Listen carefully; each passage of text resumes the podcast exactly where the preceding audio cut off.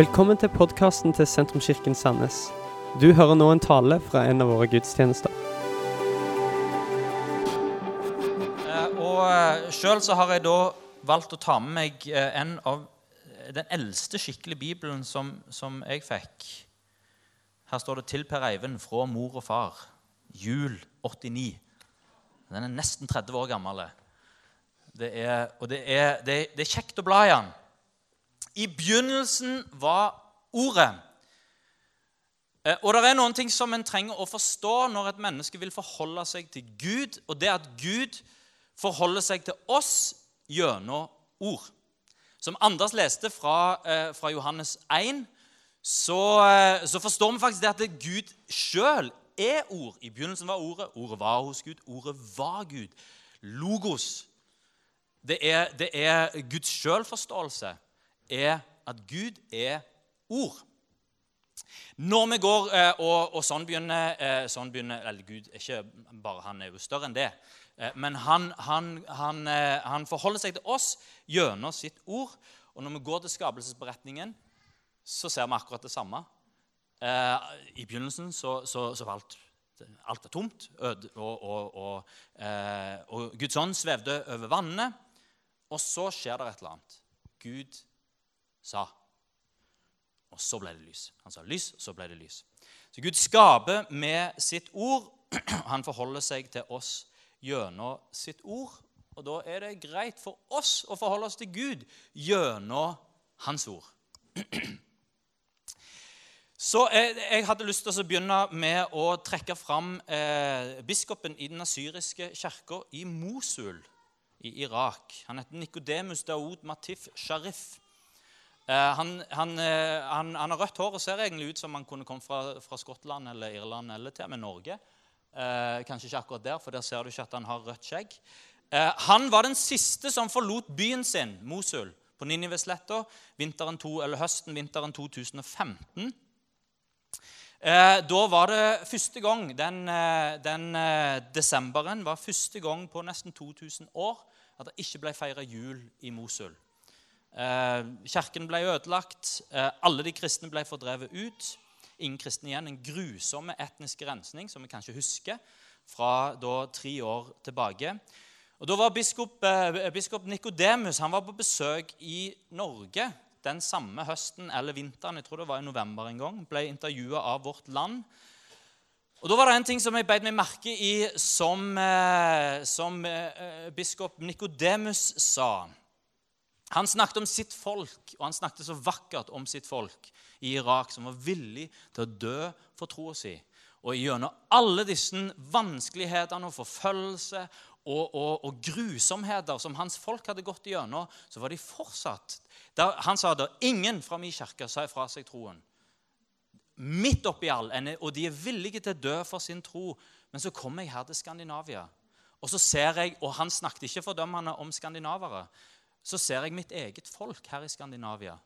Og så blir jeg så trist, for det, jeg ser at de bruker friheten her til å forlate kirka og til å forlate troen. En oppsummering fra det som biskop Nikodemus sa, er at det er ikke bare enkelt å være en kristen i Skandinavia. Det er ikke forfølgelse sånn som det er på Ninivesletta, og som de kristne i Mosul erfarte, men det er Og jeg tror vi kjenner på det. En kjenner på det mange. En, en kan bruke friheten sin til å gå vekk fra troen. En kan bruke friheten sin til å ta et steg vekk fra kirka. Jeg kjenner det igjen fra når jeg vokste opp. Det var ikke alltid enkelt og den enkleste veien å være en kristen. Og Jeg kjenner det igjen nå når jeg er voksen. Det er ikke alltid det enkleste. Det er ikke alltid det enkleste å si at 'jeg vil tro på Gud'. Jeg vil, eh, jeg vil at det skal forme livet mitt. Ehm, for vi lever i ei tid der tidsånden vil forklare alt uten Gud. Tidsånden vil at tro skal være noe som er privat, og bortgjemt, og som du har, eh, og, og, og som du har sjøl. Eh, og den skandinaviske livsstilen og idealet er et liv uten Gud. Da er det viktig å spørre seg sjøl hvordan blir jeg utrusta til å leve et liv for Gud gjennom hele livsløpet. For det skjer ikke av seg sjøl. som eh, biskop Nikodemus så at ja, det er jo mange som bruker friheten sin til å gå vekk ifra troen. Da har jeg lyst til at vi skal slå opp i 2. Timoteus. Ja, her har jeg glemt å skrive eh, kapittel, men det er kapittel 3 og vers 10-17. Og vi leser Men du, det er da Paulus sine ord til den unge Timoteus, som er en unge forkynner, eh, som følger i Paulus sine. Paulus kaller Timoteus for 'min sønn Timoteus'. Det er eh, en som, ser, nei, som, Paulus ser masse potensial i, og som han har lyst å gi videre til det som han sjøl har lært. Og Her sier han til sin, til sin sønn Timoteus.: Men du har fulgt meg i lære og livsførsel, i holdning, tro, tålmodighet, kjærlighet, utholdenhet og i forfølgelser og lidelser slik som jeg ble utsatt for i Antiokia, Ikonium og Lystra. Hvor mange forfølgelser jeg enn har måttet tåle, har Herren redda meg ut av de alle. Sier Paulus, alle som lever, vil leve et gudfryktig liv i Kristus Jesus, skal bli forfulgt. Men onde mennesker og svindlere vil gå fra vondt til verre. De fører vil og blir sjøl ført vill. Men du skal holde fast på det du har lært og er blitt overbevist om du vet jo hvem du har lært det av. Helt fra du var et lite barn, har du kjent de hellige skriftene, de som kan gi deg visdom til frelse ved troen på Kristus Jesus. Hver bok i Skriften er innblåst av Gud og nyttig til opplæring, tilrettevisning, veiledning og oppdragelse i rettferd. Så det mennesket som tilhører Gud, kan være fullt utrusta til all god gjerning. Og jeg legger til gjennom hele livsløpet. Paulus sier her at den som tror på, som tror på Jesus, skal bli forfulgt. Det er kanskje det er et misbrukt vers, dette her. Eh, den, den avdøde predikanten Arild Edvardsen han, han, sa det, han sa det ofte, bare sånn for å banke det inn, at noe av det tristeste som fins, det er kristne som eh, møter forfølgelse, og som tror at de blir forfulgt pga. troen sin, men så blir de bare eh, forfulgt pga. sin egen idioti og dumskap. Derfor så er, er det smart som en troende å være vise i hvordan en bruker ordene sine, i hvordan en lever med troen sin blant de som ikke tror og være smarte. Og la meg si dette. Det er et ordtak som sier det at det, eh, det, er bedre å holde munnen og at folk antar at du kanskje er dum, enn at en åpner munnen og fjerner all tvil. Og, og, noen ganger så kan det være smart å være litt sånn Hvor, hvor er jeg hen? Og, og, og eh, veie ordene sine og være eh, litt forsiktige, sånn at en ikke blir forfulgt pga. sin dumskap. Men på den andre sida, hvis en vil at ens verdensbilde Måten en ser verden på, måten en ser mennesket på, måten en ser livet på, samfunnet på eh, Hvis en ønsker at det skal være forma av Bibelen, så vil det stå i opposisjon til samtida, og det vil stå i opposisjon til tidsånda, for de to tinga vil sjelden være 100% i synk. Jesus han sier det, han kom med en lignelse med den som bygde, eh, som bygde, eh, som bygde livet sitt på, på, på, sand, eller huset sitt på sand. Og så var det en annen som bygde huset sitt på fjell. Så kommer stormen. Stormen eh, blåser over ende det som er bygd på sand. Hva er, hva er det med sand for noe? Sand er flyktig. Det beveger seg. sant? Eh, og Tidsånden òg er det. Den er flyktig, den beveger seg. Det som var sant for ti år siden, er ikke sant nå lenger. Nå må man endre seg i, uh, i, i, liksom, uh, sammen med det som skjer i tidsånden. For at den skal følge med. Så Jesus sier når stormen kommer, så detter det ned for det flyktige underlag som en har, en har bygd på. Den som bygde på fjell, der står huset fast. Hvorfor det? For fjell det beveger seg ikke. Og Så sier Jesus at mine ord er som fjell. De står fast. De ble sagt for 2000 år siden. De gjaldt for 1000 år siden, og det gjelder fortsatt nå 2000 år seinere. Og det huset blir stående når stormen kommer, fordi en har et solid fundament. Den, den, engelske presten og forfatteren William Rolf Inge han skrev dette. Den som gifter seg med tidsånden i en generasjon, blir enka i den neste og det skulle være litt løye.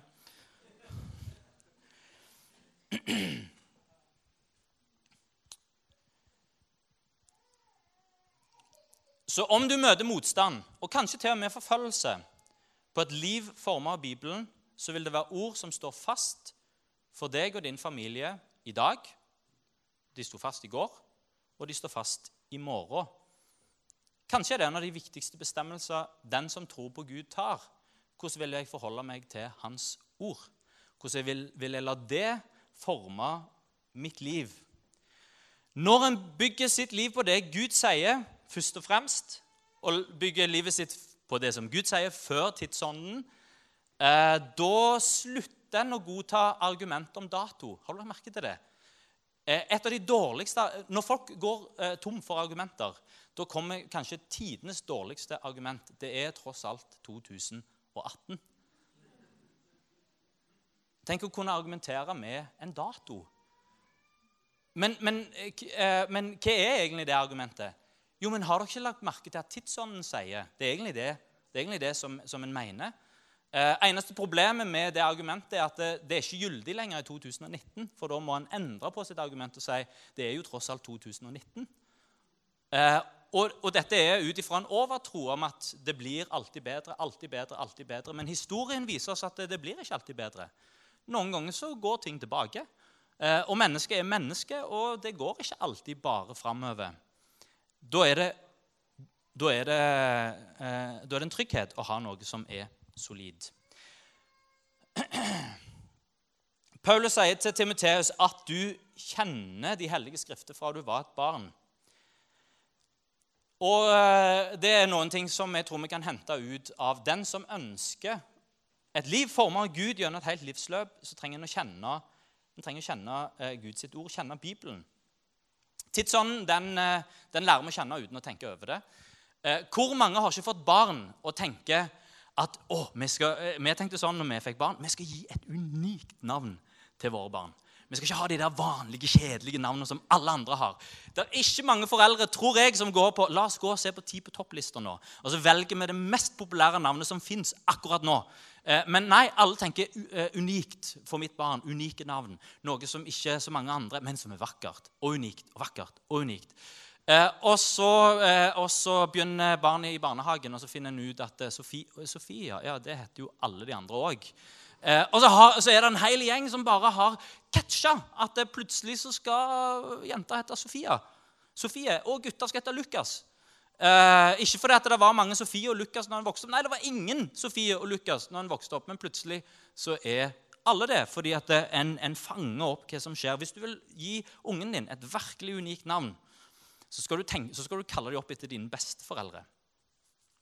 Eh, eller du kan kalle dem opp etter meg. Du kan kalle din gutt enten Per eller Eivind. Da vet du at en får eh, Eller Per Eivind sammen. Da får du et navn som ingen andre har.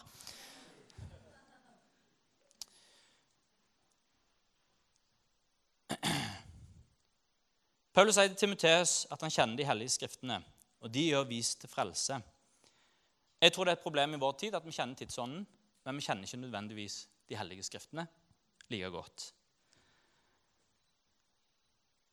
Og vi vet at livet vårt vil være påvirka av tidsånden på samme måte som en gir navn, som alle andre gir. Fordi at en bare catcher hva som skjer, og det er, det er helt greit. Sånn er det. Men en trenger å utfordre det som en plukker opp i samtida, med noe som står fast. Og da trenger en å kjenne de hellige skriftene. Den bibelleseplanen som du kan ta med deg hjem, det er en hjelp for oss til å komme i gang. Det, det kan en gjøre denne måneden. Lese et kapittel hver dag. Eh, eh, Miriam, min eldste datter, hun fikk bibelleseplan på, i barnekirka sist søndag. Så vi har sittet på sengekanten, og hun har lest ifra sin nye bibel eh, og lest ett til to eh, vers hver kveld. Og så har vi snakket om hva betyr dette for oss. Det, en, en blir kjent med eh, og, og det, kan være, det, kan være, en måte å bli kjent med, de, med, med Bibelen på. Det må, det må ikke være at en nødvendigvis skal lese så mye med en gang, men en begynner og får det inn jevnlig. Åpner Bibelen jevnlig. Gjør det til Dette er en, det er en kristen praksis, det er en kristen vane å lære Gud å kjenne og se hvem Gud er, gjennom Hans ord. En vane jeg har å prøve å holde meg til på morgenene, det er eh, altså Fristelsen er jo stor når du våkner, til å ta, eh, ta telefonen som har gitt deg alarmen, å åpne den opp og gå inn på sosiale medier og nyheter og se liksom hva skjer rundt i verden. Eh, min bestemmelse om morgenene det er jeg klarer det mesteparten av tida, det er å si nei, før jeg gjør det, så vil jeg eh, gå inn på YouVersion eller på den bibelappen som jeg har, og så vil jeg, så vil jeg lese der først. Før jeg går over på alt det andre som skjer, som skjer rundt i verden. Så gjør deg kjent med Bibelen. Nummer to her er å forstå Bibelen sånn han forstår seg sjøl. Paulus sier til Timoteus at hele Skriften er innblåst av Gud. Eh, der er noe mer med denne Skriften. Eh, så hvordan vi leser Bibelen, er ikke ubetydelig. At en leser Bibelen, gjør seg kjent med Bibelen, det er viktig. Men hvordan vi leser Bibelen, det er kanskje vel så viktig. Når Paulus snakker om at hele Skriften er innblåst av Gud, så snakker han om Gammeltestamentet. Eh, men, og, og, i Gammeltestamentet, når vi leser det det nye, eh, om Det gamle testamentet i Nytestamentet, så har vi om loven, om salvene og profetene. Og de første kristne de leste Gammeltestamentet som hellig skrift. Dette er Guds ord til oss. Men så ser vi at Skriften er også referert til brevene og til evangeliene som vi har i Nytestamentet.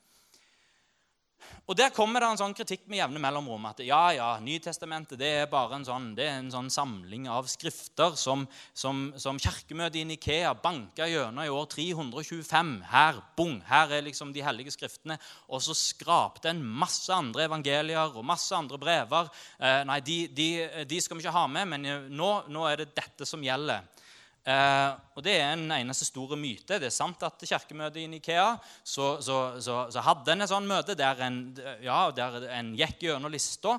Eh, men dette var skrifter som da hadde eh, sirkulert i den første kirka i da flere hundre år, og som allerede var anerkjent som hellig skrift og som Guds ord. Teologen og for, forskeren Bruce Metzger han drar fram det, den første kirka sine kriterier for å sette sammen Nytestamentet.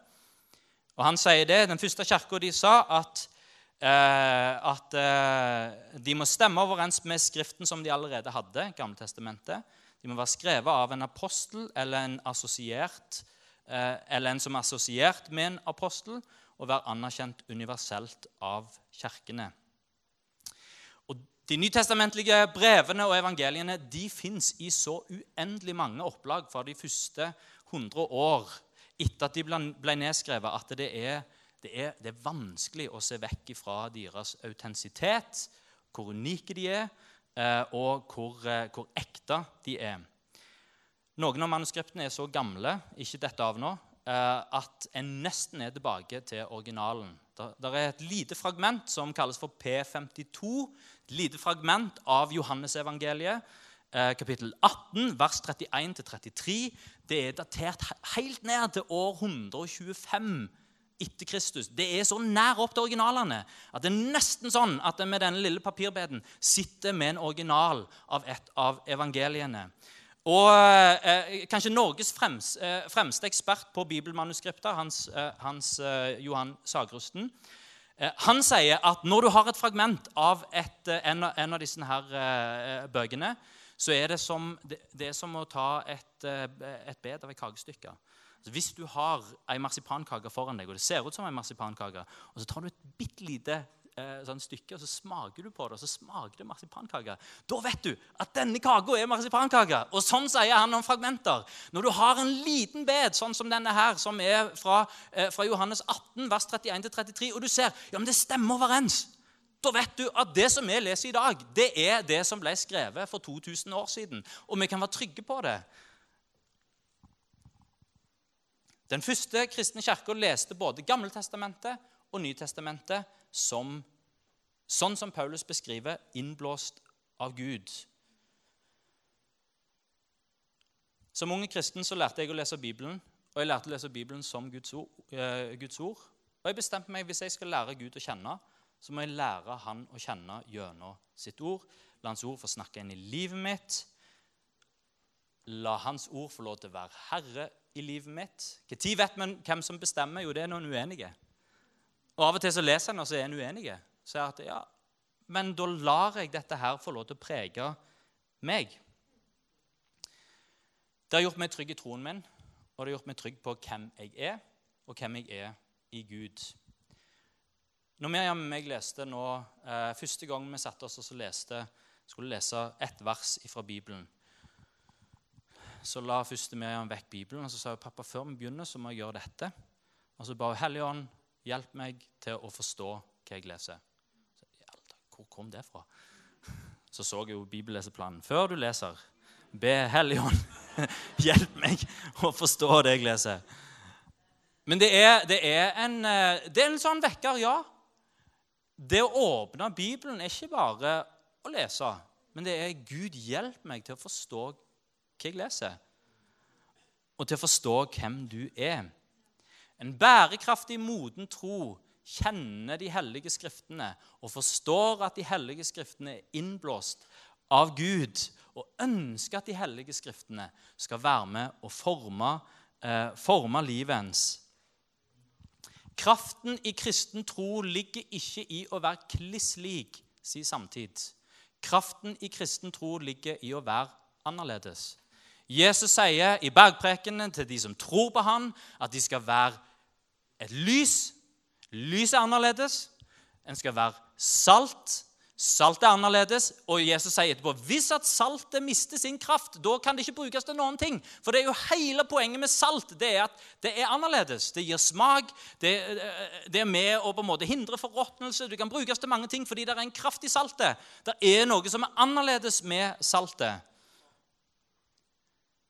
En må være annerledes for å være salt. Og det er den salte kirka, ikke sånn ramsalte. Det, det, altså med, eh, når, når, du spiser salta kjøtt, for eksempel, så er jo det nydelig fenalår. Det er jo helt fantastisk. Men, men altså, det er, det har kommet et visst punkt, og så Nei, dette var ramsalt. Eh, det, det, er jo ikke bra. Eh, så, så, så, det skal være salt, eh, men ikke, ikke too much. Det er den salte kirka vi er stolt av i fortida. Det er Martin Luther King. Det er William Wilberforce som sto opp mot slaveriet.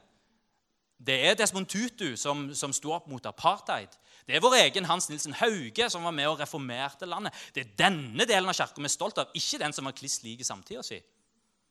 Men den som vågte å være annerledes, og som vågte å stå for noe fordi en var blitt inspirert av det som står her, og la det forme livet ens. Og Det siste her, det handler om å ta imot det som Bibelen gir. Bibelen har et eh, og jeg, jeg må jo si dette på dialekt et hva, et hvor, et hvordan og et hvorfor. Hva? Hva? En lærer må jo spørre seg, seg sjøl det spørsmålet når en står foran en klasse. Ja, nå har jeg klassen her. Hva i alle dager skal jeg gjøre nå? Da har han en læreplan, så har han en lærebok, og så har han eh, forhåpentligvis eh, lært noe på lærerskolen. Og han vet at dette er på en måte, Her er rammene for det som skal skje med denne gjengen i dette klasserommet. Bibelen er et sånn hva? Det er læreboka, det er pensum. Det er utgangspunktet for all kristen teologi. Det er utgangspunktet for kristen forkynnelse. Det er utgangspunkt for kristent liv og kristen lære.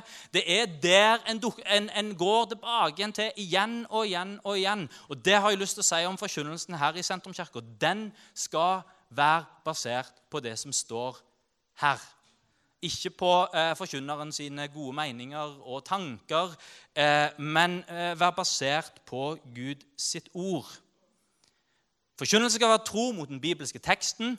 Det vil si at Forkynneren skal ikke lese sine egne meninger inn i teksten, men lese teksten og la teksten tale tilbake igjen og si Oi, hva er det denne teksten her faktisk sier? En forkynnelse skal være profetisk, og det har jeg lyst til å si om profetisk forkynnelse. Profetisk forkynnelse handler ikke om å snakke om framtida. Det er noen som tror det, at ja, Hvis en snakker masse om, det, om endetid, og at i framtida skal det skje, og så skal det komme krig sånn, og så, ja, da er det profetisk forkynnelse. Det er ikke så veldig profetisk forkynnelse. Profetisk forkynnelse er å adressere samtida akkurat nå. Det er å adressere noe som er en utfordring akkurat nå. Det er å se hvor denne boka her og Guds ord treffer vår samtid, og hva som er en utfordring i, samtid, i vår samtid, da har en eh, profetisk forkynnelse. Jeg ønsker at forkynnelsen i Sentrumskirka skal være en setning som begynner fra talerstolen, og som fortsetter i ditt hode og lander i ditt hjerte. Ikke en ferdig setning med et punktum, men en setning med et komma. Denne, Og så kan du få lov til å fortsette å sette punktummet. Eh, og sånn som denne søndagen her, så er, ikke, så er ikke poenget mitt å si du må lese Bibelen hver dag. punktum. Poenget mitt er å si at Bibelen er Guds ord til oss. Komma, derfor vil jeg Og så kan du få lov til å fortsette den setningen sjøl. Hva vil være din bestemmelse knytta til det? Så Bibelen gir oss et hva, den gir oss et hvor. Tilrettevisning, opplæring er det første her. Tilrettevisning er dette andre. En erkjennelse av hvor jeg er. Og for alle som har sett eh, en eller flere episoder av Luksusfellen eh, Det gjør jeg av og til. Eh, ikke sånn fast, men av og til. Og jeg gjør det for å bli oppmuntra. For hver gang jeg ser Luksusfellen, så tenker jeg åh, fy søren, jeg har stålkontroll på økonomien min. Og om det var en måned som gikk litt i minus, ja, men det betyr ingenting. Jeg har kontroll, jeg sparer, det er fullt øs. Kjempebra. Eh, men det som skjer i disse episodene av eh, Luksusfellen, det er jo at det der er mennesker som åpenbart har et problem. Og de vet de har et problem, men det er ikke alltid de vet hvor stort problemet er. Det første som ekspertene gjør, er å gå gjennom alle regninger, gå gjennom alt av forbruk, og så har en en sånn sannhetserkjennelses Eh, der en viser så mye penger bruker du på den, de der bilene dine. Eh, så mye penger har du tapt på kjøp og salg. Så mye penger bruker du i måneden på klær. Eh, så mye penger har du i, forbru, i forbrukslån osv. osv. osv. Og det fører ofte til gråt, og det fører til sinne. Det fører til en erkjennelse av at ja, men her er jeg. Bibelen hjelper oss til erkjennelse. Hvor befinner jeg meg hen? Et kart. Når du står i et landskap Men hvor i alle dag er jeg? Så får du et kart. Og så ser han ja, der, fjell der, ja, fjell der. Eh, skog der, ja, skog der. Vann der, bekk der. Ja, å, nå vet jeg hvor jeg er hen. Da blir det hjelp for meg til å komme videre. Det å lese Bibelen I, uh, i Hebreabrevet 4,12 så står det at Guds ord det er som et tveget sverd. Det trenger gjennom ånd og sjel, og, og det kløyver uh, Ja, nå, nå, må ikke jeg sitere feil her. Uh, det trenger gjennom til det kløyver sjel og ånd og marg og bein, og det dømmer hjertets tanker og planer. Men så stopper det ikke der. Det gir oss veiledning. Salme 119, 105 sier at 'ditt ord er en lykt for min fot og et lys for min sti'. Skriften veileder oss, Skriften gir oss retning. Skriften gir oss noe å leve etter. Den gir oss ord, den gir oss verdier, den gir oss prinsipper. Den gir oss et grunnlag av fjell som er uforanderlig, som vi kan bygge livet på, som står seg når stormen kommer. Huset er på fjell fordi det er bygd på Hans ord. Jeg vil ikke som pastor uten videre gå rundt og gi folk masse råd. Ja, du bør gjøre sånn, og du bør gjøre sånn. Som pastor i en kristen menighet så vil jeg peke på hva ordet sier for noen ting. Og at den som ønsker å bli veiledet av Skriften, ja, så kan en åpne opp Skriften, så kan en se hvor Skriften veileder oss. Og hvis fellesskapet av de troende er et fellesskap av mennesker som sier vi tror på Jesus, og vi vil at Jesus og hans ord skal være herre i våre liv, ja, men da kan vi sammen finne ut av hva betyr det hva betyr, Vi kan lese denne boka her og finne ut av hvilke konsekvenser har det for livet vårt. At vi bruker hans ord som veileder. Ditt ord er en lykt for min fot og et lys for min sti. Og hvorfor? Jo, fordi det er oppdragelse i rettferdighet. Det er det samme ord som er brukt her, som brukes i barneoppdragelse, og som brukes i ordet pedagog. Bibelen er den kristne barneoppdrager, eller den kristne oppdrager. Skriften innblåst av Gud. Derfor be Den hellige ånd hjelp meg til å forstå hvordan jeg skal vise hvordan jeg skal leve livet mitt. Det er noe som jeg ønsker å gi videre til mine barn, en oppdragelse. Sånn at det de har hjemmefra, ikke bare at de har lært å snakke og lært å gå og lært å sykle, Men at en har en oppdragelse. En har lært å vise høflighet, en har lært å vise respekt overfor andre mennesker, være en inkluderende, god venn. En har lært seg å snakke sant, en har lært seg å følge opp sitt ord. Eh, en, en har, har, lært å være hyggelig mot nye mennesker osv. osv. Lært seg sjenerøsitet. En trenger oppdragelse.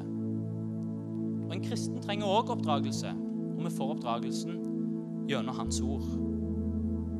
Hvorfor? For å utruste Guds menneske til all god gjerning gjennom et helt livsløp. Jeg hadde lyst til å utfordre oss til slutt her.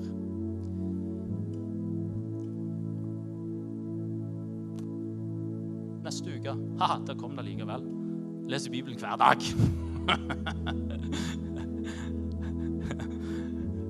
det er jo bare fordi at det der er en bibelleseplan, og den sier hver dag. Det kan jo være en fin ting å gjøre denne uka. Nummer to, be Den hellige ånd snakke til deg. Hjelp meg å forstå det jeg leser. Og de som skal i linkgruppa denne, denne uka, eller neste uke, snakk sammen i linkgruppene om hvordan vi lar Guds ord forme våre liv. Om forventning å møte Jesus gjennom Hans ord. Kan vi ta oss og reise oss?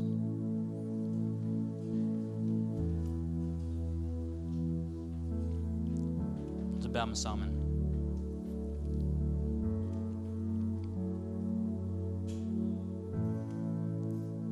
Takk, Herre Jesus.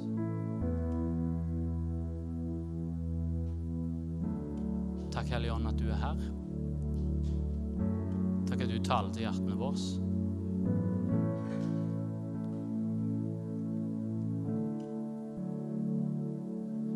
Hellige Ånd, jeg ber om at du hjelper oss til å forstå. Oss til å forstå hvem Gud er. Hjelp oss å forstå Hans Guds ord. Hellige jeg ber om at du åpenbarer og viser Guds ord for oss denne uka som ligger foran. Tale til hjertene våre.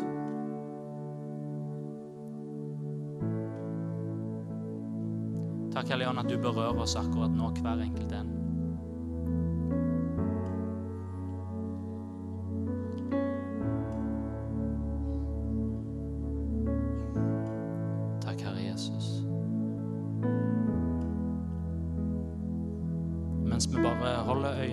Våre lukket og gir hverandre et personlig øyeblikk.